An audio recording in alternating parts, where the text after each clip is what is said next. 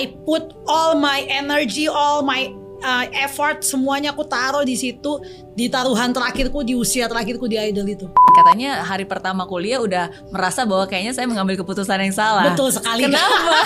aku ada di masa di mana aku merasa laguku tidak ada yang hits, hmm. laguku tidak ada yang laku, pekerjaanku off airku semakin menurun. Kadang aku tuh insecure untuk uh, untuk apa ya? Untuk bahkan untuk naksir sama orang aja kayak kadang aku ngerasa kayak kayaknya gue kurang layak deh untuk naksir sama dia. Percaya padaku, dia takkan meninggalkanmu. Kegagalan bukan akhir dari segalanya, kesuksesan juga tidak selalu ada selamanya. Suka duka silih berganti, tapi keyakinan untuk terus melangkah itu yang harus dimiliki. Dan di Zero to Hero hari ini, saya bersama sosok yang luar biasa, Noella. Hai kembali.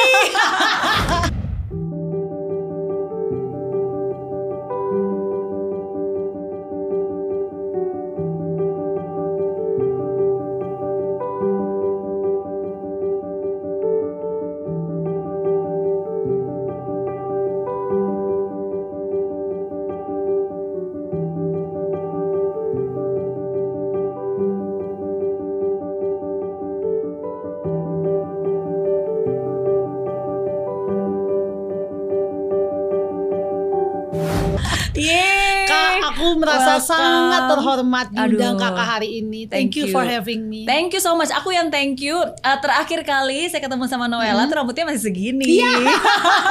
Lebih pendek dari kakak ya. Lebih iya, pendek. Segini, bener -bener. Betul. Karena waktu itu kita acara bareng-bareng di Semarang. Betul. Betul. Ya kan itu berapa tahun yang lalu ya? Kak, aduh kayaknya empat tahun lalu apa ya? Iya. Dilihat dari panjangnya lalu. rambut kalau segini sampai segini berarti selama itu kita nggak ketemu. Iya tapi happy to see you again. Terima kasih kak. Aku juga sangat sangat sangat happy bisa ketemu kak. Sama-sama. Selalu bubbly, selalu ceria, ya. selalu penuh dengan energi. Thank you kak. Gitu. Itu emang udah ciri khas dan emang kepribadian kamu dari kecil ya. Sepertinya iya. Sepertinya iya. Oke. Okay. Tapi kalau kita dengar Noella, ini perpaduan yang unik dan luar biasa ya. hmm. ya. Jadi uh, Batak ditambah Papua sama dengan Noella. Yes. Gitu. Saya adalah anak seribu pulau. Kayaknya Indonesia sejati itu ada di diri saya gitu. Karena saya dari Papua Papa Papua Mama Batak tapi dari saya lulus SMP saya sekolahnya di Jawa di okay. sidoarjo. Saya kuliah di Surabaya kemudian saya nyanyi keliling Indonesia di kafe-kafe. Jadi saya selalu menyebut diri saya si Bolang anak seribu pulau. Oh si karena memang dari ujung ke ujung iya, ya. benar oke tapi lahir di Papua. Lahir di Papua. Berapa lama tinggal dan besar di Papua Uh, aku lahirnya di Wamena sampai lulus. Aku di Papua itu sampai kelas 4 SD. Hmm. Kemudian papaku itu dapat sekolah uh, pendeta di UKSW Salatiga. Hmm. Jadi kelas 4 SD kami sekeluarga pindah ke Salatiga. Sampai kelas 2 SMP kami balik lagi ke Papua. Okay. Jadi cuma satu tahun SMP kelas 3. Okay. Terus aku dapat beasiswa dari uh, Departemen Pendidikan Pusat untuk anak-anak Papua yang berprestasi. Hmm. Dikirimlah SMA di Sidoarjo. Oke. Okay. Gitu. Jadi memang sempat bolak-balik pindah-pindah ya. Betul, betul. Oke, tapi um, pengalaman satu tahun ketika waktu SD pada saat itu, walaupun hmm. waktunya singkat, yeah. tapi itu menjadi pengalaman yang cukup memorable. Betul. Memorable dalam arti bukan berarti indah ya, tapi betul. itu is a culture shock dan itu sempat menjadi satu hal terberat yang harus kamu alami di usia betul. muda pada saat itu ya. Betul waktu hmm. pindah hmm. itu. Iya. Betul, betul. Apa yang terjadi ya. waktu itu? Jadi um, aku Wamena itu kota kecil kan. Mm-hmm. Wamena itu kota kecil. Sampai sekarang pun masih kota kecil gitu. Jadi Uh, dan papaku tuh pendeta, jadi sering terbang ke pedalaman Papua untuk hmm. uh, tugas di sana. Hmm. Nah, aku tuh dekat banget sama papa. Dari kecil, kalau papa terbang ke ke pedalaman, aku ikut gitu. Hmm. Aku inget, uh, aku tuh jalan kaki berkilo-kilo sama papa untuk ke satu tempat untuk doain orang gitu. Hmm. Kita sampai di rumahnya, wah kaki kita berdarah, nggak tahu lah kita injak apa aja gitu kan. Maksudnya uh, se sepedalaman itu Papua gitu. Hmm. Uh, aku ingat waktu itu keluarga aku pernah ikut papa karena satu bulan di pedalaman. Kami sekolah uh, kami pindah sekolah hmm. namanya anak kelas 1 SD masih semangat ya kak sekolah ya yeah. tapi waktu sampai di sana uh, atapnya cuma jerami bawahnya tanah terus cuma satu ruangan Terus aku waktu itu kelas 1 ya aku gabung sama kelas 2, kelas 3 gitu. Gurunya cuma hmm. satu gitu. Dan yang buat aku kaget, teman-teman aku nggak pakai baju. Cuman aku yang pakai baju waktu itu gitu. Hmm. Itu itu hal yang apa ya? Hal yang untuk anak umur 6-7 tahun itu hal yang mungkin sangat mengagetkan buat aku hmm. ketika aku pindah ke Salatiga gedung sekolahku dua lantai ada kantin ada lab ada perpustakaan dan kelas 1 aja ada 1A 1B apa segala macam gitu yeah. terus uh, aku melihat segala macam fasilitas itu dibanding dengan aku di Papua itu kayak kayak itu hal yang membuat aku sangat tercengang aku kaget hmm. banget gitu kayak wah kenapa tempat aku bisa seter, setertinggal itu gitu hmm. dan aku waktu di Salatiga aku dapat banyak sekali fasilitas dan salah satu hal yang membuat aku cukup stres di anak usia segitu adalah uh, aku di Papua aku hitungannya pinter kak aku selalu yeah. ranking satu pas aku pindah ke Salatiga boom ranking 20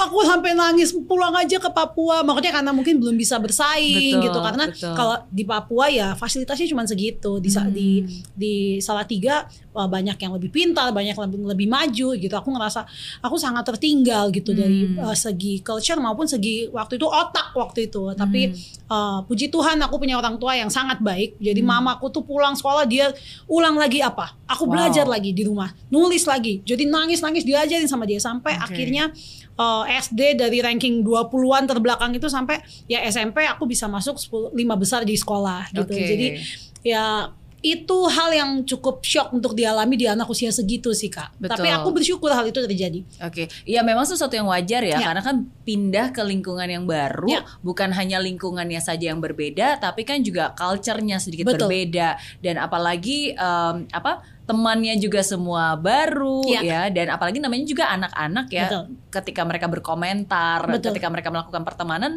mungkin tidak sedewasa orang dewasa pada umumnya Betul sekali ya kan Betul. orang dewasa aja kadang-kadang kekanak-kanakan gitu apalagi anak-anak ya, dalam arti kadang-kadang mungkin mereka maksudnya bercanda ya. Um, ya tapi itu bisa jadi melukai hati Betul. Betul. Uh, waktu kecil juga sempat dibilang uh, hitam, Betul. keriting, keriting. Iya, iya, iya. Ya dibully mungkin uh, mungkin dibully secara fisik karena kalau sekarang aku menyadari uh, kalau mungkin karena kurangnya apa ya kurangnya edukasi hmm. waktu di Salatiga oh, nggak banyak orang Papua hmm. banyak orang yang berkulit hitam dan hmm. berambut keriting dan kebetulan SD tempat saya sekolah itu memang salah satu SD yang paling bagus di kota Salatiga hmm. dan rata-rata memang anak-anak pintar di situ yeah. dan uh, rata-rata ya berkulit putih dan berambut lurus jadi ketika tiba-tiba ada satu orang yang sangat berbeda tentu saja itu menjadi pusat perhatian gitu okay. itu menarik perhatian anak-anak yang lainnya seringlah kayak dibilang keriting hitam apa segala macam mungkin waktu itu sedih gitu tapi sekarang saya saya ngerti oh mereka nggak mungkin mereka belum pernah melihat hmm. sebelumnya jadi saya ter, terbilang unik waktu itu hmm. memang sedikit banyaknya efek terhadap uh, hati dan mental hmm. saya dulu lama loh kak selalu kayak malu punya rambut keriting hmm. jadi oh kalau waktu SMP SMA tuh udah ada bonding tuh bonding terus gitu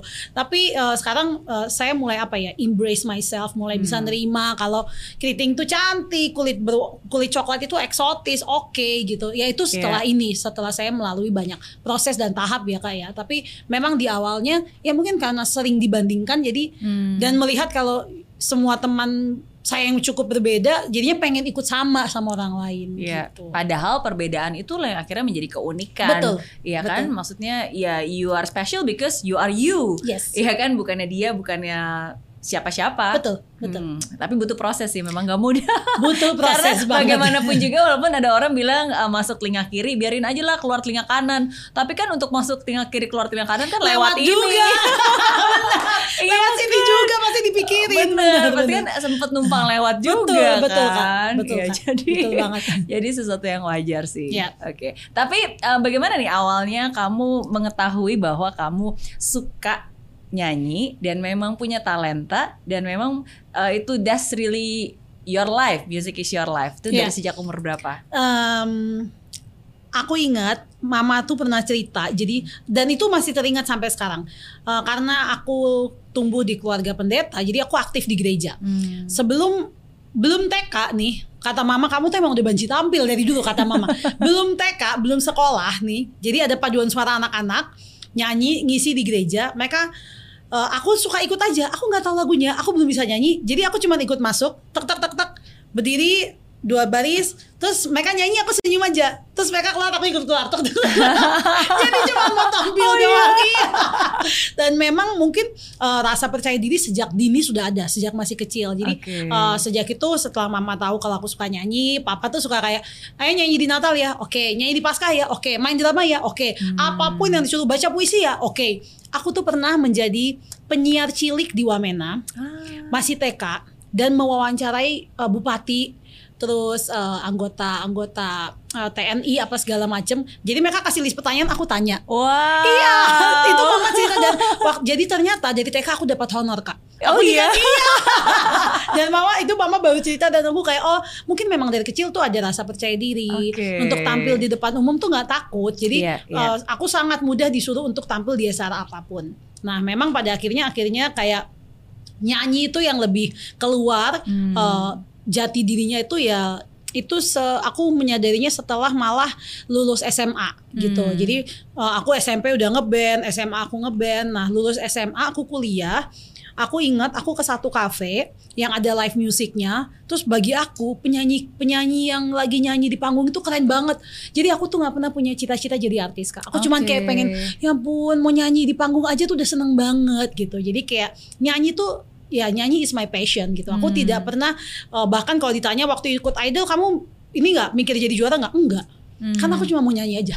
Hmm. Karena ya segitu cintanya aku sama nyanyi. Aku cuman ingin ada pengen ada di panggung uh, nyanyi udah gitu aja. Oke, okay, oke. Okay. Dan dan memang berawal dari sebuah keinginan kan, betul, tapi dari betul. keinginan itu ya akhirnya bisa menumbuhkan uh, talenta-talenta dan akhirnya keinginan itu membuka kesempatan juga. Betul. Yang awalnya betul. kamu duduk di kafe ngelihat wah enak, wah keren banget nih penyanyi yeah, yeah, yeah, di kafe. Yeah, yeah, ya yeah, akhirnya yeah. kamu juga jadi nyanyi dari kafe ke kafe betul, kan. Betul. Ya, kalau dalam istilah yang kamu bilang ngamen dari kafe ke betul, kafe. Betul, betul. Saya pengamen keliling. pengamen keliling. Kak, boleh sambil Oh iya, boleh dong, boleh dong, boleh dong. Saya pecinta ya, kopi. Noella tuh pecinta kopi banget ya. Yes. Okay, ini kopi aren susu ya. Woo! You like it, especially pasti suka, pasti suka. Silakan.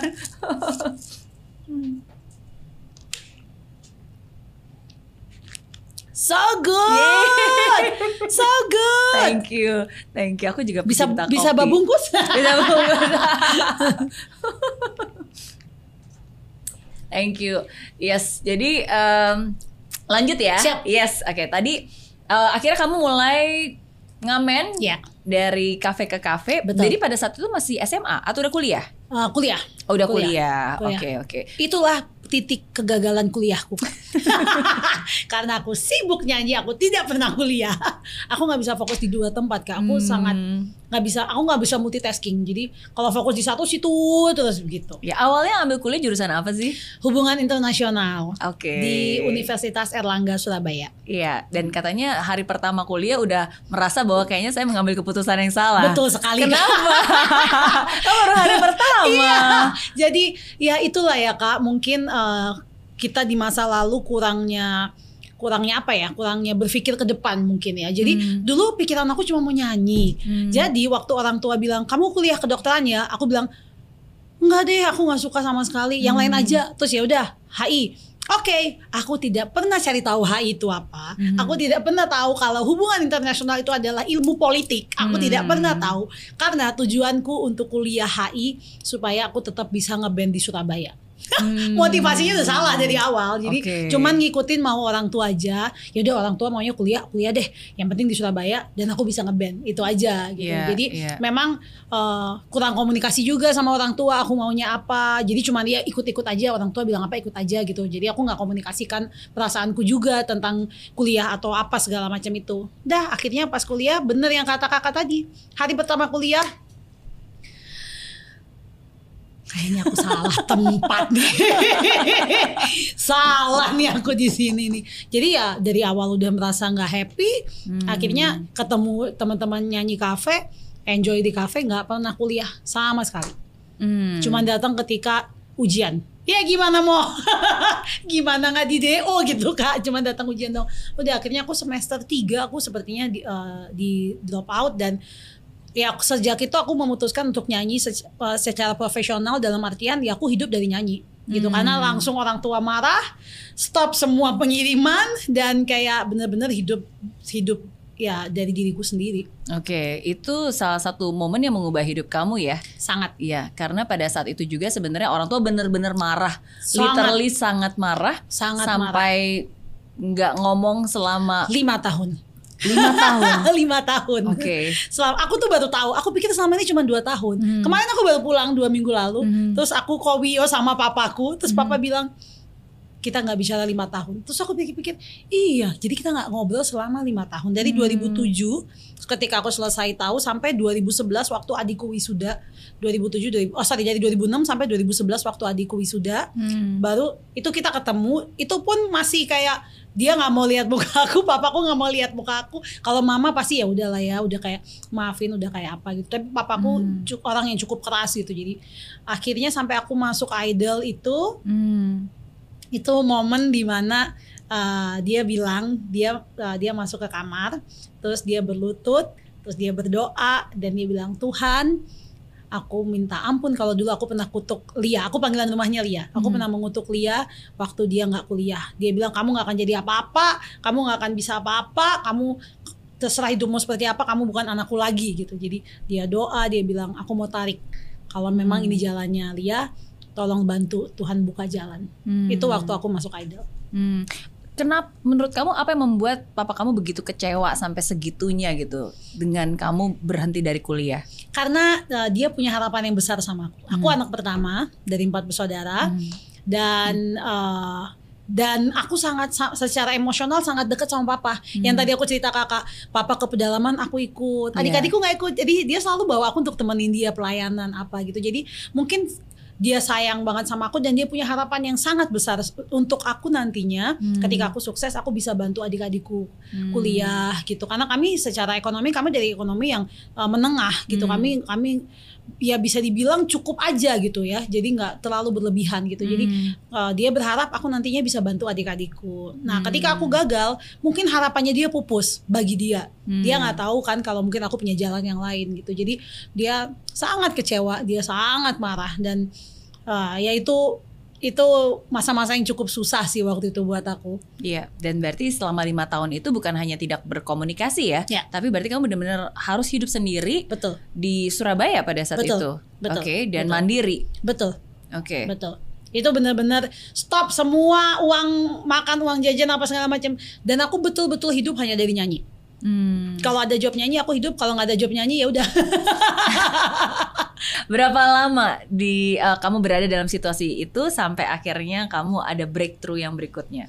Jadi um, aku merintis sebagai penyanyi kafe itu um, sebelum aku jadi kayak penyanyi yang jadi uh, waktu itu ada band aku di hire secara profesional oleh uh, satu kafe hmm. uh, kafe-kafe yang cukup besar gitu. Hmm. Nah sebelum itu aku masih kayak kafe kecil-kecil ke kafe kecil gitu. Uh, aku tuh pernah kak dulu kayak dibayar nyanyi tiga jam tiga puluh lima ribu. Ah. Yes.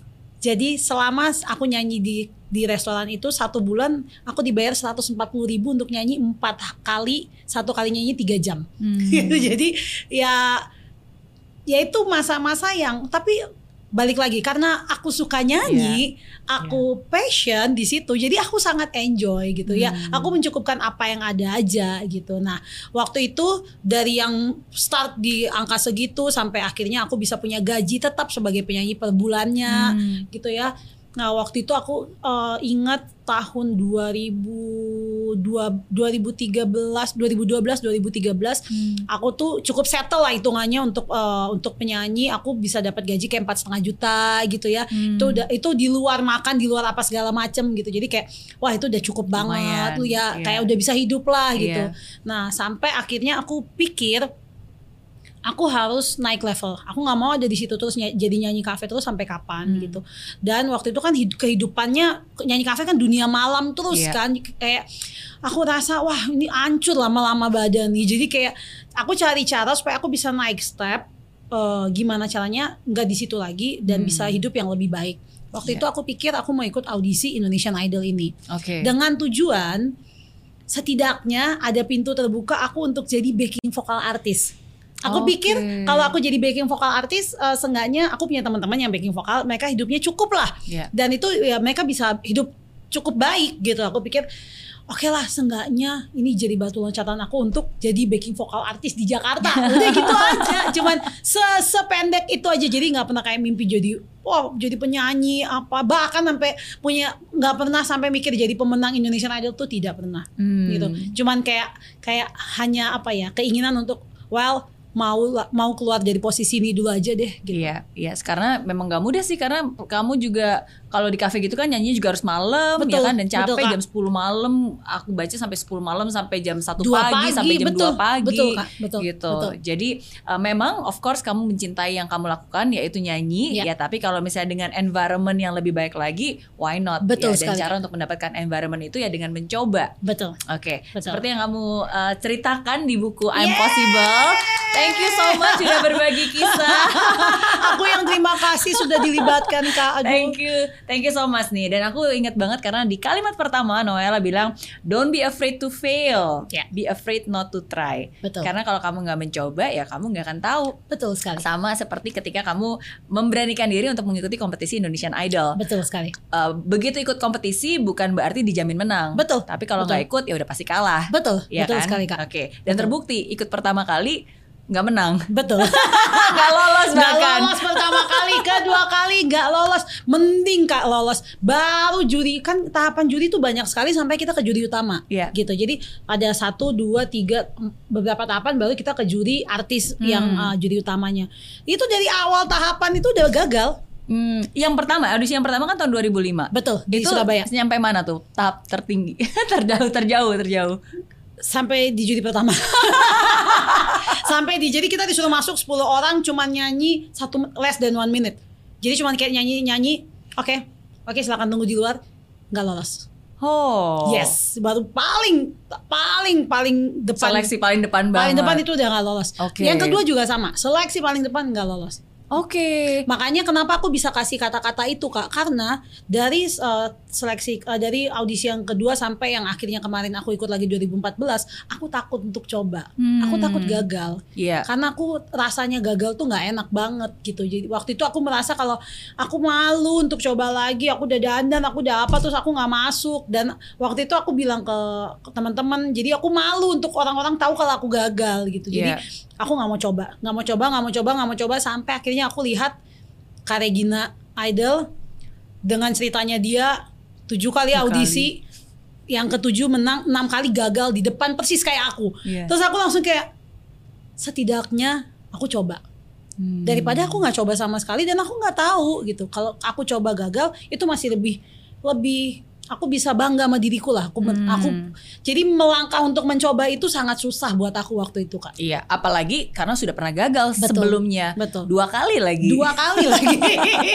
Iya kan. Betul. Tapi kamu tetap memantapkan hati dan oke okay, kita coba lagi. Iya. Ya kan. Uh, Regina aja coba tujuh kali, saya baru dua kali. Iya benar benar ya, benar benar. Sempat malu juga. Ya Allah baru dua kali gagal, udah nggak mau coba. Jadi hmm. memotivasi diri untuk oke okay, ya coba aja. Cuman memang saat itu motivasinya nggak yang gimana-gimana gitu. Pokoknya yang penting aku lakukan ini untuk diriku sendiri. Aku hmm. tahu kalau aku punya aku punya harapan untuk aku punya kehidupan yang lebih baik gitu. Hmm. Jadi istilahnya lebih nothing tulus dan lebih tulus aja gitu. Iya. Yeah. Kalau awal tuh udah kayak kepedean suara gue bagus pasti gue menang apa gitu kan. Jadi kayak Tuhan kayak nggak kasih deh emang dari awal udah sombong gitu kan. Tapi emang waktu itu nyobanya emang kayak tulus aja. Oh. Ya aku pengen punya kehidupan yang lebih baik. Oke gitu. oke okay, okay. that's a very good quote loh. Hmm. Ya kan uh, pokoknya nothing tulus, yeah. yang penting tulus aja. Tulus oh, iya, dalam iya, arti itu tulus, betul, tulus betul, dari betul, hati betul, gitu kan. Betul, betul, Bener nggak? Betul. Iya. Oke okay, jadi um, kan audisi pertama gagal. Yeah. Bahkan di tahap yang paling depan aja garda depannya aja gak nggak lolos gitu kan. Kedua juga sama gitu. Uh, nggak ada nggak improve lagi dari yang sebelumnya. Betul, kan sama tetap. betul. tapi yang ketiga begitu bukan hanya berhasil tapi lancar banget. Lancar yeah. banget tuh dalam arti bahkan nggak pernah sampai ke bottom three. Yes. Iya nggak yes, dan dan it's always like wow keren banget dan selalu di atas selalu di ya, atas selalu berhasil. menurut kamu sendiri apa yang kamu lakukan berbeda dibanding yang sebelumnya Kenapa yang sebenarnya gagal-gagal sekarang tiba-tiba bukan hanya berhasil tapi berhasilnya tuh wow kayak bumi dan langit. Ya, ya. Apakah ada sesuatu yang dilakukan berbeda? Uh, aku rasa karena aku lebih fokus kak. Mm-hmm. Jadi uh, waktu di idol itu uh, aku meras aku mengamati teman-teman aku yang gagal, jadi kan kita dieliminasi setiap hmm. minggu dieliminasi dieliminasi. Aku mengamati rata-rata temanku yang teman-temanku yang gagal ini mereka nggak fokus. Hmm. Jadi ada beberapa temanku sampai, aduh kayaknya gue nggak kuat deh, kayaknya gue hmm. kangen mama deh, kayaknya apa? Wah itu pasti besokannya dia dieliminasi gitu. Jadi hmm. uh, ketika aku rasa ketika mereka hilang fokus, mereka bener-bener itu itu efek ke mereka punya penampilan. Nah waktu itu aku punya goal yang sangat simple kita aku ingat kita live-nya hari Jumat. Jadi goal aku adalah setiap hari Jumat aku bisa lolos. Itu aja. Jadi aku nggak pernah goalku sampai juara nggak. Jumat ini semua laguku hafal, aku bisa kasih yang terbaik, aku lolos ke next step. Itu aja. Jadi yeah. aku fokus ke hari Jumat, hari Jumat, hari Jumat, hari Jumat lagu hafal ini ini materinya aku pokoknya fokusnya ke situ gitu jadi okay. sepertinya karena aku bener-bener konsentrasi dan taruh fokus di satu titik itu aku bisa lewatin satu persatu tahapnya gitu. Hmm, one step at a time ya. Yes. Pokoknya satu langkah ke depan dan fokus dengan hal itu berikan yang terbaik. Gak usah mikir jauh-jauh lah. At least Betul. kita benar-benar memprepare, dan memikirkan, mempersiapkan dan melakukan yang terbaik untuk apa yang ada di depan kita. Betul, betul sekali. Oke. Okay. Apakah mungkin karena ini kesempatan terakhir kamu, jadi kamu uh, like you treasure it more, lebih di kayak wah harus dapat banget nih. Ya, um, sepertinya um, mungkin hmm. mungkin gitu karena waktu itu aku tuh bener-bener kayak oke okay, kalau aku nggak lolos aku nggak bisa jadi apa-apa di sini karena itu batas terakhir usia uh, untuk audisi Indonesian Idol hmm.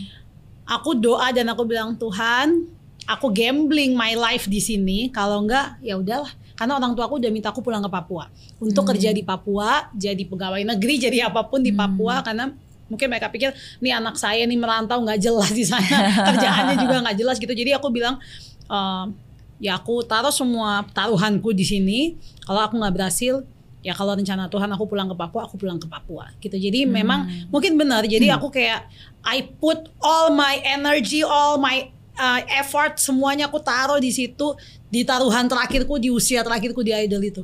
Ya. yeah dan uh, dan dengan kesungguhan akhirnya Tuhan menghadiahkan Amin. hal itu untuk kamu. Ya. Ya, mungkin memang itu udah dipersiapkan jauh-jauh hari sebelumnya ya. Kan Sepertinya kadang sering kali ya. kalau kita berdoa kan Tuhan pasti selalu menjawab. Ya, Bener betul, gak sih? Betul, aku percaya karena kalau misalnya kadang-kadang orang bilang doa aku kok belum terjawab, doa aku kok nggak pernah dijawab Tuhan. Hmm. Padahal sebenarnya doa kita selalu dijawab. Ya Cuman jawabannya beda-beda aja. Betul, betul, betul. Atau mungkin kamu yeah. belum siap untuk mendapatkan betul, itu. Betul, hmm. Karena Tuhan selalu menjawab jawabannya adalah ya, oke, okay, yeah. sekarang atau enggak uh, nanti. Betul. Saya kabulkan tapi nanti enggak yeah. sekarang atau ya enggak usah deh, saya punya yang lebih baik lagi buat yes. kamu. Yes. Bener enggak? Iya. Yeah. Hmm. Dan Setuju ternyata sekali. apa yang kamu impikan, apa yang kamu doakan berhasil kamu capai. Ya. Yeah. Gimana rasanya?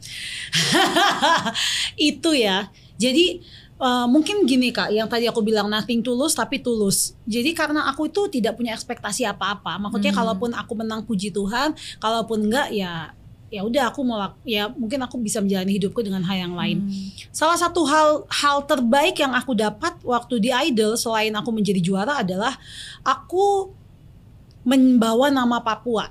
Hmm. Yang itu efeknya luar biasa banget. Karena uh, aku adalah perempuan pertama dari Papua yang masuk ke grand final dan memenangkan Indonesian hmm. Idol. Hmm. Dan aku adalah perempuan Papua pertama yang uh, yang ada di uh, ya pemenang Indonesian Idol berarti di industri musik gitu. Hmm. Jadi um, waktu itu orang Papua bangganya gila-gilaan gitu sama aku. Nah, aku nggak sadar kak hmm. kalau uh, aku akan bawa Papua. Aku nggak sadar. Ternyata hmm. secara tidak langsung itu ya karena di aku orang Papua gitu. Yeah. Jadi waktu aku menang, uh, waktu aku grand final Indonesian Idol, bahkan uh, dari gubernur Papua kasih 200 juta berbentuk uh, apa namanya voucher hmm. dibagi ke masyarakat Papua di seluruh jalanan untuk SMS aku. Wow ada satu ada beberapa departemen di Papua yang mereka menurunkan uh, perjalanan dinas untuk nonton Noella Grand Final di Jakarta. Wow. Itu Papua itu bener-bener bener-bener kayak terkena demam gitu kayak kayak mereka bertaruh Noel ketika aku menang Indonesian Idol mereka merasa kalau Papua punya sesuatu, punya nama nanti hmm. di Indonesia gitu karena memang selama ini Papua itu uh, ya kita tahu banyak hal yang tertinggal gitu. Jadi ketika ada satu hal yang menonjol dari Papua, satu Papua bersekutu bersatu supaya yeah. bagi mereka kemenangan aku tuh kemenangannya Papua gitu. Yeah. Nah, itu hal yang itu hal yang aku tidak sadari tapi ternyata itu jadinya terbawa gitu. Jadi hmm. waktu aku menang Indonesian Idol di Papua mereka pawai aku ingat aku menang itu sekitar jam 12 waktu Indonesia Barat jadi di Papua jam 2 jam pagi 2, iya. mereka pawai keliling kota ratusan motor dan mobil sampai jam 6 pagi untuk merayakan kemenangan aku jadi segitu aku juga merinding. aku ngomongnya aku merinding. aku merinding. iya, aku juga. Jadi maksudnya mereka segitu bangganya atas hmm. pencapaian aku. Jadi ternyata pencapaian aku bukan cuma untuk diriku sendiri, hmm. tapi untuk bangsaku Papua yang kucintai itu ternyata itu menjadi sesuatu hal yang uh, terimpact luar biasa juga untuk Papua hmm. gitu. Jadi um, aku merasa ini bukan kemenanganku gitu. Ini kemenangannya orang Papua yang mungkin dulu merasa tertinggal, merasa ya. kurang, ya. merasa nggak bisa, merasa nggak tampil dan ketika aku menang membawa nama Papua, satu Papua merasa menang juga gitu. Kalau ada ya. orang Papua yang tampil di kancah nasional di Indonesia gitu. Jadi wah ini hal yang sangat tidak pernah aku bayangkan tapi ketika mungkin aku lakukan cuman bagianku aja nothing yeah. tulus dan tulus itu ternyata Tuhan kasih hal yang sangat jauh di luar ekspektasi aku sih kak iya karena apa yang kamu lakukan itu bisa bukan hanya menjadi inspirasi ya hmm. tapi itu membangkitkan semangat kepercayaan yeah. diri mereka betul, juga betul, ya kan betul. membuat mereka jadi berani bermimpi besar lagi betul, gitu bahwa eh ternyata betul. bisa kok betul dan yang kamu lakukan kan karena kamu benar-benar lahir dari Papua dan benar-benar melalui proses itu juga kan yeah. proses dibilang anak keriting lah yes. hitam lah gagal yes. lah susah lah yes. tapi ternyata berhasil yeah. tidak ada yang mudah tapi bukan berarti tidak bisa betul sekali yeah, if you never try you'll you fail never, you'll never know you never know benar oke okay. nothing tulus yang penting tulus yes itu keren banget iya, iya. itu bisa jadi lagu bisa jadi iya, buku iya, iya, iya, iya. wah ini buku barunya Kameri guys nothing tulus yang penting tulus nothing tulus yang penting tulus oke okay.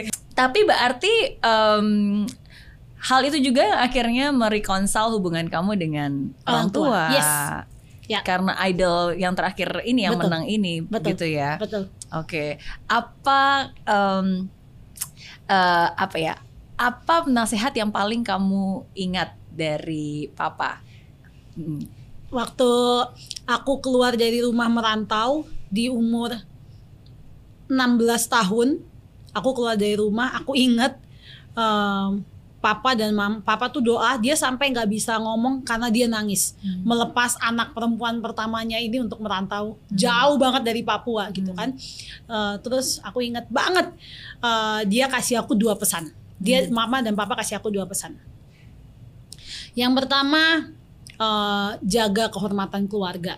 Hmm. Ya jangan sampai uh, ya kamu udah di sana ya kamu membawa kehormatan keluarga gitu. Yang kedua jangan hamil. Jangan sampai hamil. Ini orang Papua nih. Ya uh, maksudnya uh, tapi itu hal yang aku bersyukur karena aku pegang sampai sekarang. Jadi yeah. aku menjaga diriku dengan aku aku bisa bisa ya proud to myself kalau aku menjaga diriku sampai aku umur segini ya menjaga kehormatan keluarga aku yeah, gitu. Jadi yeah. ya, maksudnya itu kayaknya kayak anak masih lulus SMP udah diomongin kayak gitu kayaknya apa banget sih papa sama iya. mama kenapa ngomongnya begitu gitu. Tapi mereka tahu mungkin mereka nggak punya ada momen begitu lagi gitu. Hmm. dan ya itu kayak momen yang berharga banget. Ya kami sebagai kami kumpul seba, utuh sebagai satu keluarga. Hmm. setelah itu setelah aku keluar dari rumah adikku keluar dari rumah sekarang mama papaku tinggal sendiri di rumah. Karena kami hmm. empat bersaudara udah merantau semuanya. Oh papa mama masih di masih di Jayapura? Masih oh, di Jayapura, masih di Jayapura. Okay. ya sampai hari ini masih di Jayapura okay. gitu jadi uh, ya lucu sih. Waktu itu aku kayak apa sih? Kayak malu-malu tapi kesel gitu. Kenapa sih harus dikasih tahu hal itu? Tapi memang mungkin ya itu ya itu yang tertanam juga sampai aku sampai hari ini gitu ya yeah, menjaga yeah. ya orang kehormatan orang tuaku ya berarti kehormatan keluargaku kehormatan sekarang bahkan ya aku bisa bilang ya aku membawa kehormatan Papua juga dalam diri aku gitu Betul. jadi ya itu hal yang aku pegang saya sampai sekarang kan. Oke. Okay. Dan buat semua para orang tua berarti ini ini aku selalu bilang hmm, sih, hmm. maksudnya kayak orang tua tuh kalau nasehatin kadang-kadang kan mereka juga berpikir ah bosen ah dinasehatin hmm. terus anak saya nggak dengerin hmm. gitu. Tapi uh, dari pengalaman saya sebagai anak sebenarnya apa yang masuk telinga kiri kesannya keluar telinga kanan tapi sebenarnya itu masuk betul. dan itu diingat gitu betul, dan betul. at any point of time di saat kita dibutuh saat kita membutuhkan itu tiba-tiba kayak ada suara yang ter, mengingatkan kita kembali akan nasihat-nasihat itu. Betul. betul Jadi? Tepat pada sasaran, jelas padat, jelas, singkat, padat, singkat, langsung to the point. to the point, to the point banget udah langsung gitu. Jangan sampai hamil ya kau. Apa sih? tapi ya, well. Iya, tapi itu realita. Apalagi Betul. untuk seorang anak gadis merantau, Betul. kita kita kan tahu ibu kota lebih kejam Betul. daripada ibu tiri. Jadi intinya harus pintar-pintar menjaga diri Betul, Kak. gitu. Betul. Betul. Jadinya okay. itu uh, mungkin uh, kayak kesannya kayak cuman uh, uh, pokoknya jangan sampai hamil, tapi akhirnya aku takut kan untuk hmm. uh, coba narkoba, hmm. coba apa jadinya takut. Jadi bener, ya itu ha, satu kat, satu kalimat tapi itu benar-benar buat aku bisa istilahnya fokus lah untuk bisa ya hidup yang benar gitu di pergaulan yang luar biasa kacau zaman sekarang ya nggak sih kak iya tapi aku dengar dengar katanya kamu juga selalu suka insecure nih kalau naksir sama cowok Iya. Aku pengen tahu informanya Kameri siapa sih? Bener banget loh dari tadi. Iya iya iya. Iya kita punya tim riset yang canggih. Iya luar biasa loh tepuk tangan nih buat tim kreatifnya Kameri. bener bener gak sih? Iya. Oh iya. iya kadang. Oke kenapa? Uh, apa ya? Mungkin karena uh, banyak kegagalan di percintaan ya. Hmm. Jadi kayak um, kadang aku tuh insecure untuk uh, untuk apa ya? Untuk bahkan untuk naksir sama orang aja kayak kadang aku ngerasa kayak kayaknya gue kurang layak deh untuk naksir sama dia kayaknya dia terlalu pintar dia terlalu ini dia terlalu ini padahal uh, aku kakak tahu kan aku sangat dekat sama Kak Regina kan yeah. jadi kalau aku udah mulai curhat kayaknya dia terlalu bagus deh buat gue gini dulu ntar Kak Gina bilang woi lu tuh pemenang Indonesian Idol. Lu bisa bisanya ya. Lu gak pede lu ya Allah. Nanti dia ngomel-ngomel gitu. Tapi ya ya mungkin tampaknya aku pede di depan kelihatannya pede tapi banyak hal yang sebenarnya aku tuh insecure dengan mungkin hmm. nutupinya dengan pede dengan apa gitu banyak yeah. banyak banyak strategi lah ya kita untuk yeah. menutupi kita punya kekurangan ya salah satunya aku juga itu sebenarnya aku insecure tapi aku nutupinya kayak sok pede sok sok ini aja gitu aduh aku tuh ya gitu kak ya tapi setiap orang punya insecurity-nya sendiri-sendiri yeah. sih saya yeah. pun juga saya juga yeah. ada titik-titik di mana I feel so insecure about hmm. certain things yeah. gitu yeah ya cuma kan at the end of the day kita punya Tuhan yang luar yes, biasa ya exactly. ya kan betul betul betul dan betul. pokoknya pede aja sih betul. Pede. ini ini informasi yang cukup personal oh iya iya aku, aku cukup kagum nih kamera bisa dapat info ini yes yes yeah. itu itu menunjukkan bahwa we put so much interest in you. Oh, thank you so much. Thank you so much. thank you, thank you. Yes, tapi um, ya tapi memang memang seperti itu sih. Maksudnya yeah. sometimes kadang-kadang kan uh, apa ya PD betul. PD itu uh, percaya diri dan juga percaya dia. Ya. Keren percaya diri keren. dan percaya dia. Keren. Ya percaya bahwa ya ya kita mampu kita bisa kita layak. Ya Iya dan juga percaya dia lah juga yang akan memberikan kita orang yang memang sepadan yang memampukan kita yang memang layak juga untuk kita. Iya, ya, gitu. Wow, ya. thank you Kak. Ya, thank you. Dan, Tapi ini membuktikan kalau aku juga manusia gitu. Maksudnya ya. uh, mungkin kalau uh, kita sebagai public figure kayak di layar itu selalu sempurna, selalu oke, okay, selalu apa. Tapi ya kita juga manusia gitu. Ya. Ada hal yang buat kita insecure, ada hal yang buat kita nggak pede. Walaupun kalau manggung sepede bintang di langit so, so seperti api membara tapi ad, ya pada di end of the day kita manusia juga kita pasti, punya kekurangan gitu. pasti pasti. Aku kalau disuruh nyanyi depannya Noella aku juga nggak pede. Ya kan? Aku suruh suruh joget-joget TikTok itu juga nggak bisa. Aku nggak pede banget. Itu bukan Meridana banget. Seriously. Jadi saya suka insecure dengan anak-anak milenial yang kayak kau joget tuh bisa luas iya banget. iya sih bener bisa, sih kak. Iya bener gimana bener, gitu? Eh iya kan? Eh udah aduh gawat deh gawat, bisa ya iya. gitu ya. Cuma ya oke okay nggak apa-apa justru uh, apa kelemahan kita lah yang menjadi keunikan kita. Betul, betul nggak? Betul kak. Oke. Okay. okay.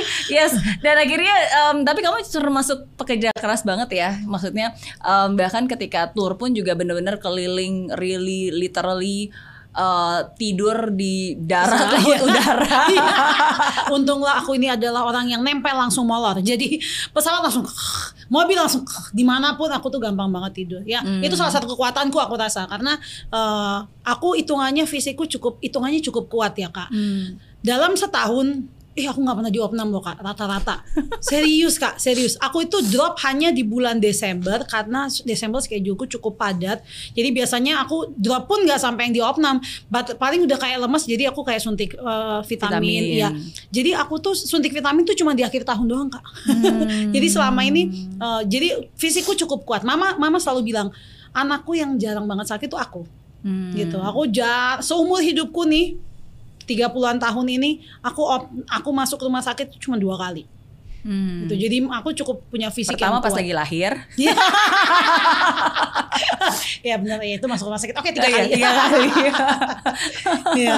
Jadi ya fisikku cukup kuat sih kak. Ya benar yang kakak bilang okay. itu tadi menjaga juga aku. Iya. Tapi pernah nggak sih burn out? Soalnya hmm. kadang-kadang aku suka ketemu sama orang yang yeah. awalnya memang suka banget dengan passionate banget yeah. tentang tentang bidangnya. Hmm. Misalnya nyanyi gitu hmm. kan. Tapi ketika dia sudah overdoing it sampai kayak wah capek banget lama-lama jadi burn out dan akhirnya jadi hilang jadi mati rasa gitu hmm. jadi nggak suka lagi bahkan hmm. jadi benci bahkan hmm. pengen udah ninggalin hmm. gitu dari ya. dunia ya. itu hmm. aku burn out nggak tapi aku pernah um, merasa secara mentally drop dan merasa nggak percaya diri sebagai penyanyi sampai kayak aku ngerasa kayak aduh ya adalah ya mungkin ya aku cuma ada di level ini aja nggak bisa hmm. itu karena uh, waktu itu aku ada di masa di mana ya karir kan pasti naik turun ya kak aku ada di masa di mana aku merasa laguku tidak ada yang hits hmm. laguku tidak ada yang laku pekerjaanku off airku semakin menurun hmm. permintaan aku nyanyi semakin menurun aku hmm. jadi kayak kayaknya terus Terus habis itu aku melihat sosial media di mana teman-teman seprofesi aku masih kerja ke mana-mana, terbang ke mana-mana, hmm. lagunya hits di mana-mana.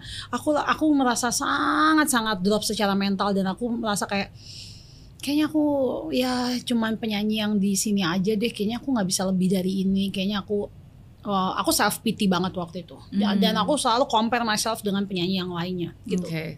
Terus gitu. gimana cara kamu keluar dari perasaan seperti itu? Eh, jadi aku tuh bersyukur kak karena aku di Bekasi aku punya komunitas rohani yang uh, bantu aku untuk uh, aku punya pembimbing uh, rohani yang bantu hmm. aku untuk uh, untuk bisa apa ya kasih kekuatan hmm. dan aku punya komunitas yang ketika aku lagi drop atau apa mereka doain aku hmm. aku, itu itu adalah hal yang sangat help aku di saat aku lagi drop gitu jadi aku tidak lari ke hal-hal yang negatif tapi aku bisa lari ke hal yang ya bagi ya siapa lagi kalau kita nggak cari Tuhan waktu itu kan gitu jadi waktu itu aku dibantu uh, didoain aku uh, sharing aku kayak konseling dengan pembimbing rohani dan aku dibantu untuk ternyata aku menyadari kalau aku tidak effort-effort banget ternyata di karirku. Jadi aku cuman waktu itu hmm. aku cuman ya udahlah ada job nyanyi-nyanyi, ada rekaman-rekaman, tapi aku tidak pernah put pikiran aku untuk aku harus ngapain ke depannya. Aku hmm. tuh orang yang tidak terplanning kak. Jadi hmm. uh, dalam tiga tahun terakhir aku baru belajar untuk punya goal, untuk punya planning ke depannya gitu. hmm. gitu. Aku dulu sangat Moto hidupku adalah mengalir seperti air. Apa yang terjadi terjadilah. Kalau nggak terjadi ya udahlah. Mungkin bukan aku nggak nggak sanggup apa hmm. gitu. Tapi kan aku sebenarnya aku menyadari aku malas dan aku nggak mau usaha. Hmm. Aku tidak mau usaha lebih. Setelah waktu habis aku menang idol, aku dapat banyak hal, segala hal gitu waktu itu. Terus aku kayak merasa nyaman nih di posisi itu. Hmm. Aku tidak maintain aku punya karir, wajar aja gitu. Kalau ya mungkin waktu itu aku turun gitu. Nah dua tahun terakhir aku punya goal untuk menjadi orang yang lebih produktif. Hmm. Okay. Salah satunya yang action plan yang aku lakukan, aku punya YouTube channel. Yeah. Kemudian aku setelah aku selesai kontrakku dengan labelku yang lama, aku uh, berkarir secara indie. Jadi aku punya lagu. Aku nulis lagu sendiri. Aku tidak pernah nulis lagu sebelumnya kak, kecuali hmm. lagu rohani. Hmm. Gitu. Jadi akhirnya aku push myself. Kamu harus bisa nulis. Aku dulu selalu gila ya lu udah cantik uh, suara bagus bisa nulis lagu lagi gitu. Aku ada iri hati ini sama salah satu penyanyi Indonesia yang luar biasa. Ya iyalah kamu apa tapi ya uh, aku nggak lakukan apa-apa gitu. Yeah. aku cuman bisa mengasihani diriku tapi aku nggak lakukan apa-apa. Akhirnya hmm. waktu itu aku benar-benar push myself. Coba tulis lagu coba produktif coba uh, buat YouTube channel apa segala macam. Aku pikirin aku mulai. Akhirnya uh, dalam dua tahun terakhir 2019 dan 2020 ini uh, aku merasa kalau aku menjadi pribadi yang berbeda terutama hmm. setelah pandemi ini yeah. Wah pandemi ini membuat aku jadi pribadi yang sangat sangat sangat berbeda gitu. Aku aku tidak pernah menyangka kalau dalam satu hari aku bisa melakukan 4 sampai 5 kegiatan yang berbeda. Dulu aku tuh sangat pemalas Kak. Jadi kalau ada kerjaan aja keluar. Kalau nggak ada kerjaan aku di rumah aja ngapa-ngapain. Kayak kayak gitu gitu. Sekarang wah aku bisa syuting ini, bisa syuting ini, bisa ketemu sama ini, bisa meeting, bisa apa segala macam. Aku bisa lakukan banyak hal yeah. dalam satu hari setelah terutama setelah pandemi okay. karena nggak ada kerjaan akhirnya mikir harus ngapain Iya tapi itu dia maksudnya pandemi ini mengubah hidup banyak orang pandemi Setuju. ini benar-benar kayak kayak Tuhan lagi ingin membelokkan kita ke arah yang berbeda betul gitu. sekali kak ya tapi kan namanya juga sesuatu yang baru dipaksa dengan keadaan itu pasti kan nggak nyaman Benar. ya kan hmm. um, bahkan sebenarnya ada saat-saat di mana mungkin kalau buat Noella sendiri itu sesuatu hal yang uh, yang apa yang tidak mudah karena yeah. yang tadinya pemenang idol sekarang pas pandemi jadi pengangguran. Betul, betul sekali. Pengangguran ya. banget. yang tadinya uh, bisa mendapatkan job sekarang benar-benar zero income betul. dan harus bertahan betul. hidup dari betul. tabungan. Betul sekali. Itu itu benar seperti itu. Betul sekali, betul hmm. sekali. Jadi um, aku sebenarnya aku tuh sangat banyak kekurangan kak termasuk dari di segi finansial hmm. aku itu dulu adalah orang yang tidak punya plan apa apa dan berantakan banget finansial aku hmm. aku bersyukur aku punya mama orang Batak yang cukup keras jadi uh, aku bisa punya rumah itu karena mamaku. Dia bilang harus nabung, harus punya rumah, harus gitu. Di tahun pertama aku menang Indonesian Idol, mama lihat-lihat kayaknya kamu nggak bisa pegang keuangan ya. Bagaimana kalau mama yang pegang? Oke okay, mah aku bilang gitu karena habis masuk hilang. Masuk hilang. Wah itu aku gitu tuh. Masuk hilang. Wah apalagi aku tuh anaknya tuh suka menyenangkan orang lain. Hmm. jadi yang penting orang happy aku wah gitu kan. Terus tiba-tiba mama mulai memperhatikan oke okay, mama pegang keuanganku. Akhirnya puji Tuhan aku bisa DP rumah. Yang akhirnya hmm. Agustus kemarin rumah aku udah lunas puji Tuhan. Aku buat status anak kampung punya rumah di ibu kota. Aku aku aku tahu perjuangannya nggak mudah tapi ya sejak saat itu ya aku bisa berusaha lebih. Anyway, balik lagi aku hmm. sangat tidak terplan. Jadi setelah yang aku bilang kakak tadi aku menemukan komunitas yang bisa buat aku grow secara spiritual, secara hmm. uh, secara psikologis, secara pikiran. Uh, aku tahu kalau aku harus berubah gitu. Hmm. Salah satunya uh, selain produktif adalah aku harus punya tabungan. Dulu aku tidak punya tabungan kak. Hmm. Aku tidak pernah. Jadi waktu itu 2018 aku mulai. Pokoknya setiap kerjaan aku harus nabung. Akhirnya aku belajar lah tentang oh ternyata uh, plan keuangan tuh begini. Tabungan tuh harus berapa persen. Ini ini ini aku baru tahu. Invest apa, apa aku baru tahu. Aku baru belajar dua tahun terakhir. Terus ya udah akhirnya aku punya tabungan nah itulah yang bisa menghidupi aku selama pandemi kemarin dengan hmm. zero income aku memuji Tuhan karena kalau aku tidak segera bertobat di finansial aku dalam beberapa tahun ini wah mungkin aku udah kayak orang bingung juga yang nggak tahu harus ngapa-ngapain gitu. Hmm. Itu yang membuat aku bisa masih tetap produktif, masih bisa tetap kerjain YouTube channel aku dan masih bisa tetap menghidupi uh, aku kan sekarang uh, adikku yang bungsu, aku yang hmm. tinggal sama aku, sekolahnya sama aku, ya menghidupi rumah aku, yeah. aku iya. masih bisa jalanin itu gitu, Kak. Oke. Okay. Yes, berarti berterima kasihlah kepada mama yang keras yeah. yang menjadi menteri keuangan. Mama. Jadi memang memang menteri keuangan itu harus dipegang oleh seorang wanita. Betul sih, Kak. Betul sih, yeah. Kak. Betul, betul. Aku belajar juga dari makku.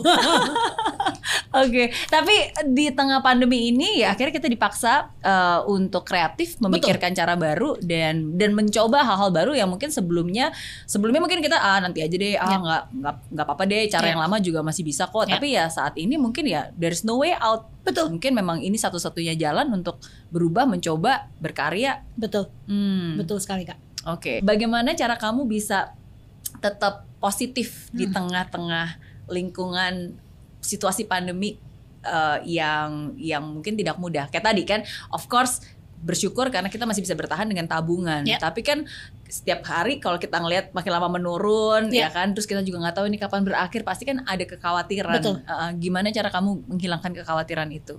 Um, yang pertama, yang pasti hubungan sama Tuhan sih kak. Jadi ya aku bersyukur dalam beberapa tahun ini aku juga uh, cukup apa ya, cukup cukup cukup um, punya hubungan yang dalam sama Tuhan, baik hmm. dalam komunitas aku dan ya dalam hubungan personal aku sama Tuhan, itu yang sangat membantu aku untuk tetap punya tetap tetap sadar gitu, tetap tetap punya pikiran yang benar gitu untuk menghadapi kehidupan kehidupan hmm. aku sehari-hari gitu. Dan di samping itu aku sih punya prinsip gini Kak, kalau kita lihat ke atas nggak akan ada habisnya Yeah. Kalau kita lihat ke atas, duh, nih orang ini punya ini, punya ini, punya ini, kita akan selalu compare gitu. Tapi kalau yeah. kita lihat ke bawah, kita pasti bisa bersyukur gitu. Yeah. Jadi uh, aku punya prinsip lainnya kayak keadaanku seperti apa pun, keadaan finansialku seperti apa pun, itu tidak boleh menghambat aku untuk membantu orang lain gitu. Hmm. Jadi aku cukup aktif di kegiatan sosial, uh, baik di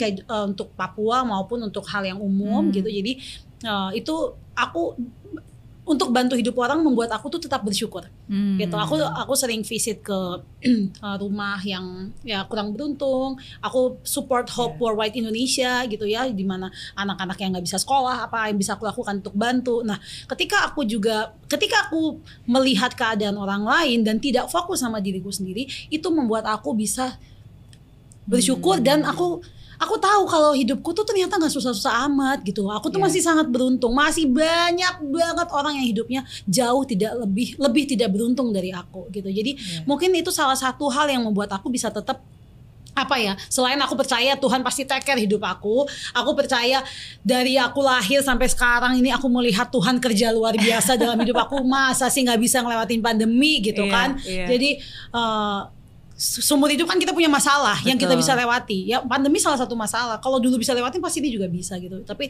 salah satu caranya ya aku uh, aku selalu melihat ke bawah dan ya kasih waktu aku untuk bantu orang yang di bawah supaya aku bisa tetap bisa mensyukuri hidupku yang sekarang gitu kan. Hmm, Oke, okay. amin, amin. amin.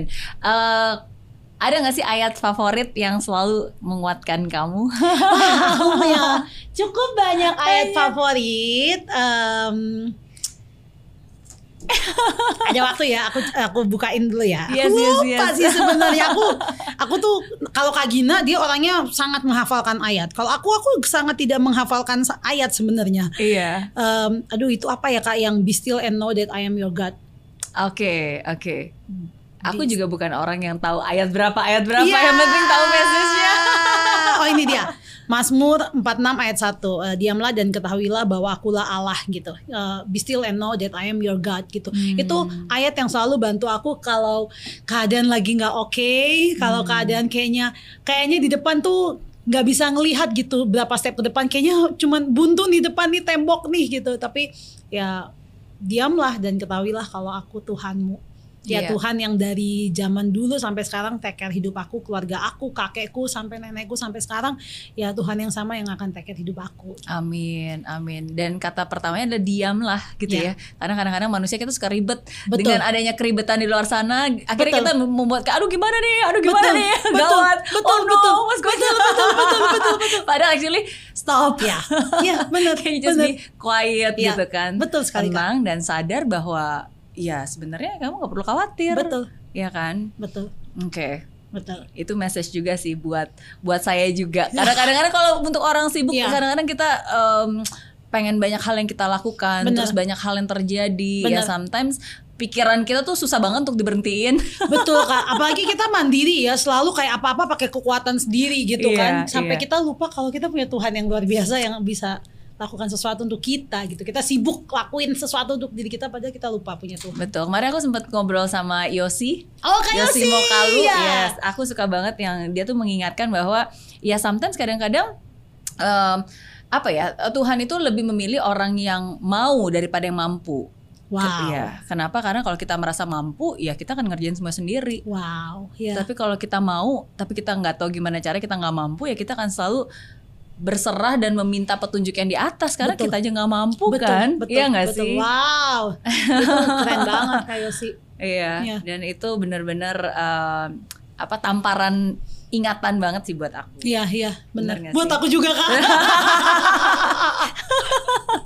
okay. well akhirnya kak di hmm. pandemi hmm. ini salah satu hal yang aku hasilkan adalah uh, sebuah lagu hmm. yang itu sebenarnya adalah curhatan teman-teman aku yang mungkin uh, secara mental mereka sangat terkena. Jadi hmm. pandemi ini kan pasti kena finansial apa semua yeah. pasti. Tapi yang lebih menyedihkan bagi aku adalah mental.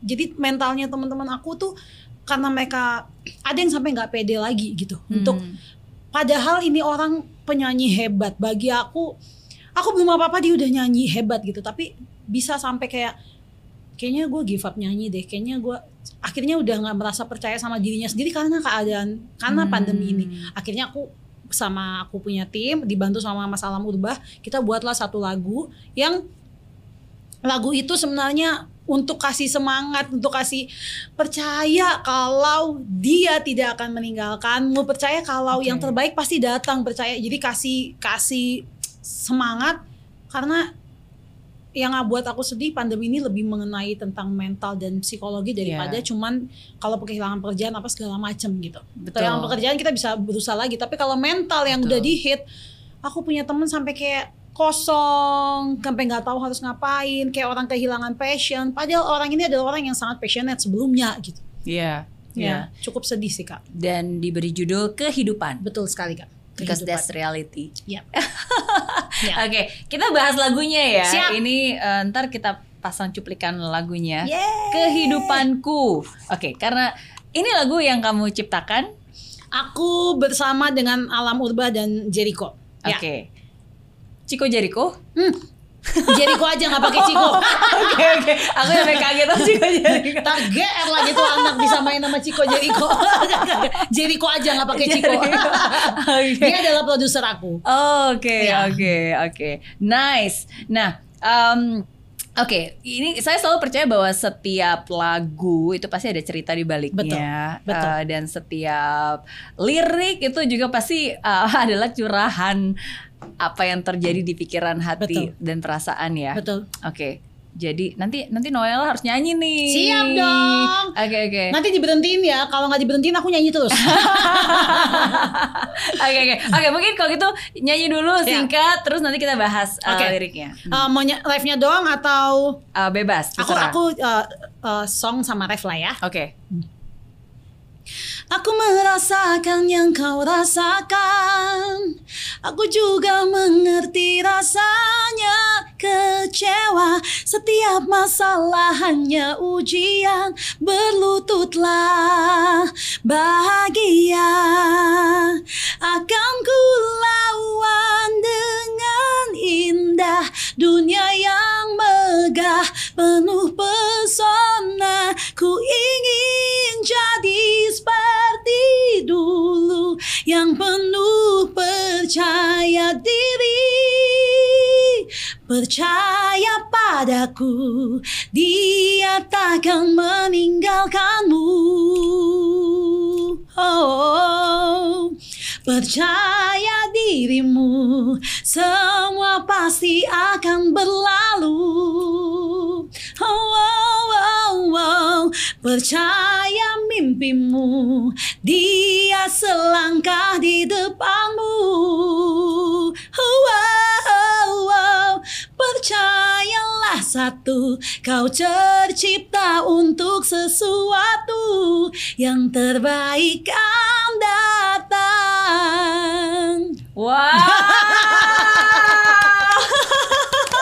Akhirnya Noella bilang minta tolong dibertiin ya. Padahal saya nggak mau nggak mau bertiin karena Aku sadar diri.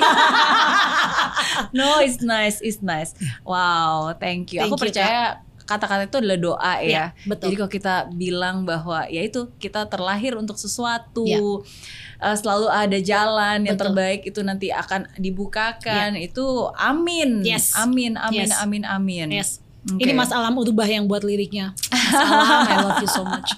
Oke, okay. ini uh, berarti kapan nih? Bulan apa ini dibuat? Ini tuh uh, kita rilisnya bulan September kalau hmm. tidak salah eh, September akhir kalau nggak ya September akhir kita rilisnya tapi lagu ini tuh kita sudah buat dari bulan sekitar bulan Juni Juli hmm. ketika uh, lagi teman-teman kami terutama para musisi lagi sangat drop secara mental itu tadi yang aku cerita yeah. sama kakak uh, karena waktu itu akhirnya kan ekonomi udah mulai running nih di bulan Juni Juli ya kak banyak pekerjaan sudah mulai jalan tapi entertainment tetap mati waktu itu masih hmm. belum bisa hmm. apa-apa gitu jadi itu hit banyak orang banyak teman-teman dekat kami yang mereka cerita sama kami uh, ya kita kita nggak bisa lakukan apa-apa ya kita yeah. tuangkan lewat lagu Iya, karena banyak yang tadinya mau konser jadi Betul. batal, yang tadinya udah tour, udah Betul. di udah ada schedule-nya, terus tiba-tiba jadi nggak jadi semua. Betul. Iya kan?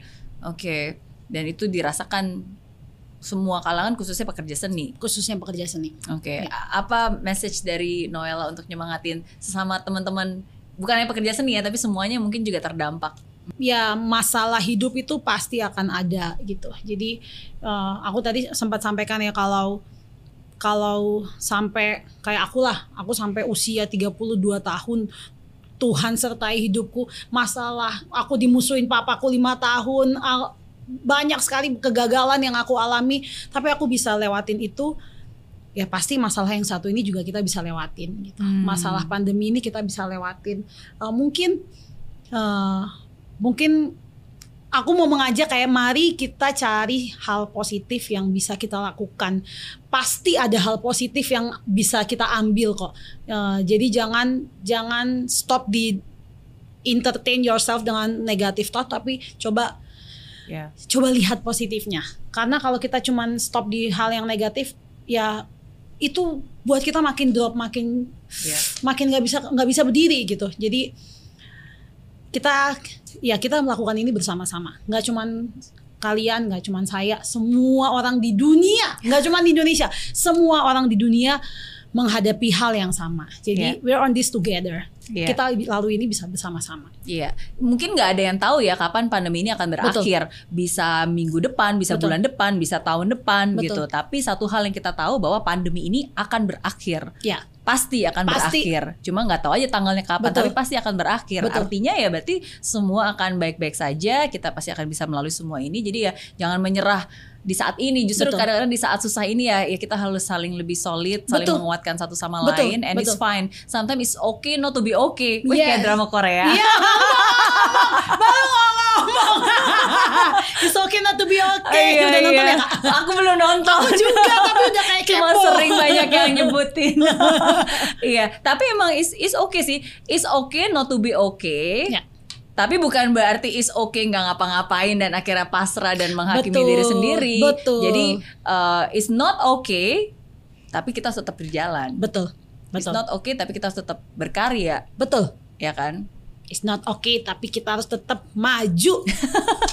nggak bisa jalan di tempat ya kak nggak bisa jalan di tempat harus maju tetap. harus maju oke okay, berarti um, kalau uh, mimpinya dari Noella apa nih kan sekarang harus buat perencanaan cuy ya. perencanaan. Langsung dites. Iya, enggak enggak. Bukan tes bukan tes, tes jadi jadi uh, what's next for you? Apa ya. yang kalau kamu um, apa namanya uh, misalnya ada kertas ajaib nih yeah. di mana apa pun juga yang kamu tuliskan di situ bisa menjadi kenyataan wow. oh hmm. gitu jadi apa yang ingin kamu buat apa yang ingin kamu wujudkan ya aku punya uh, mimpi aku punya harapan dan ada hal yang aku mau lakukan ke depannya terutama uh, untuk Papua hmm. uh, aku nggak tahu tapi memang walaupun aku punya darah Batak tapi uh, Papua itu sudah kayak apa ya ada di sudut hatiku yang terdalam gitu kak. Hmm. Jadi aku punya banyak beban melihat uh, keadaan Papua, terutama uh, adik-adikku uh, baik dalam pendidikan maupun dalam bidang musik gitu. Nah ke depannya aku pengen, walaupun saat ini aku belum tahu caranya seperti apa, tapi aku pengen uh, aku bisa bantu adik-adikku, uh, terutama adik-adikku di bidang musik. Jadi gini, uh, Insta, uh, YouTube channel aku aku selalu kolaborasi dengan rapper dari Papua.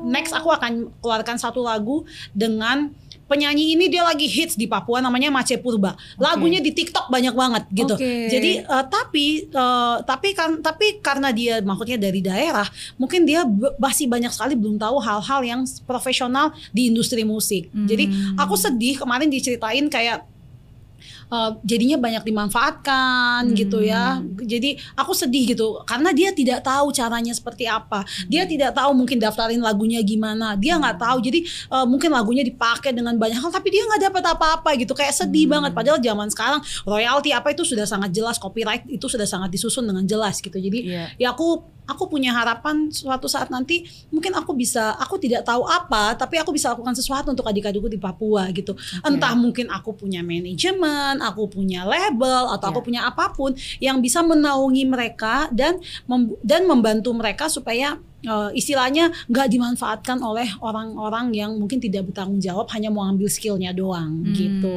Nah pengen aku pengen adik-adikku di Papua di Indonesia Timur lebih maju lagi kalau bisa lebih sukses lagi daripada aku ke depannya gitu.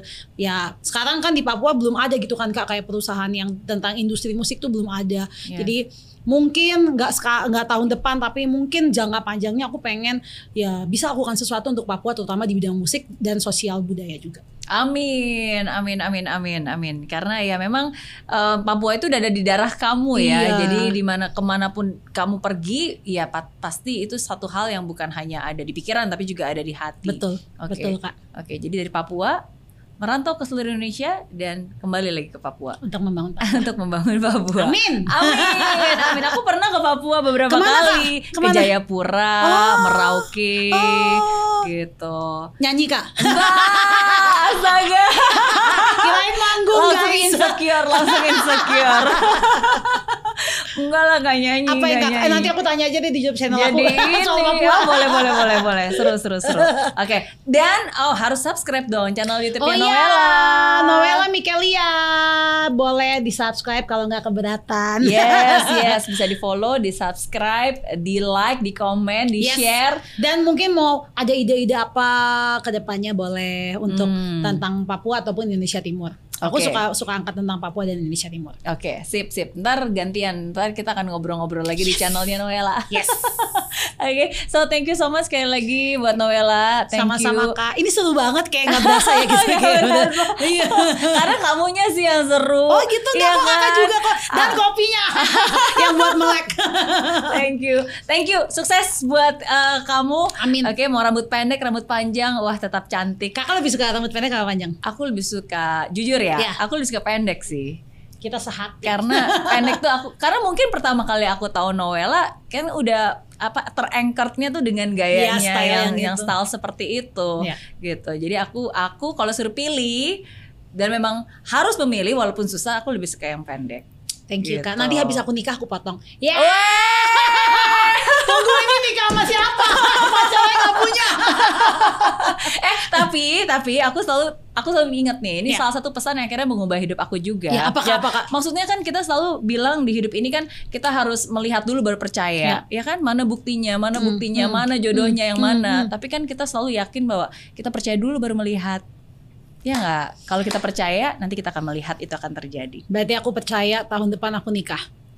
Amin. Ini ngomongnya sambil gue yakin gitu. ya, aku percaya kalau jodohku udah deket gitu aja lah kayak gimana. Oh iya, uh, kayak turun. Jangan, jangan ke aku dong kayak yang iya, Tuhan.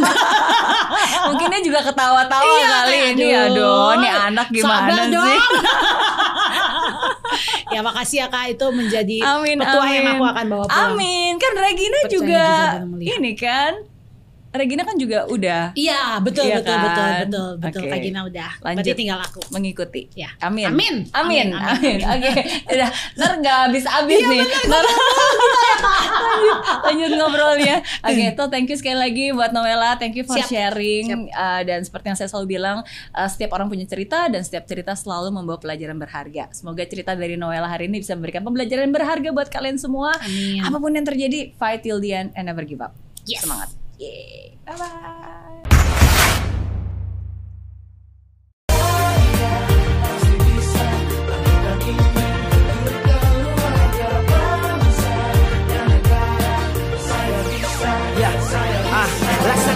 tanpa hujan Hidup tanpa tujuan Kering dan mati tanpa hijaunya tumbuhan ah Demikian kalau mimpi tak kunjung terjadi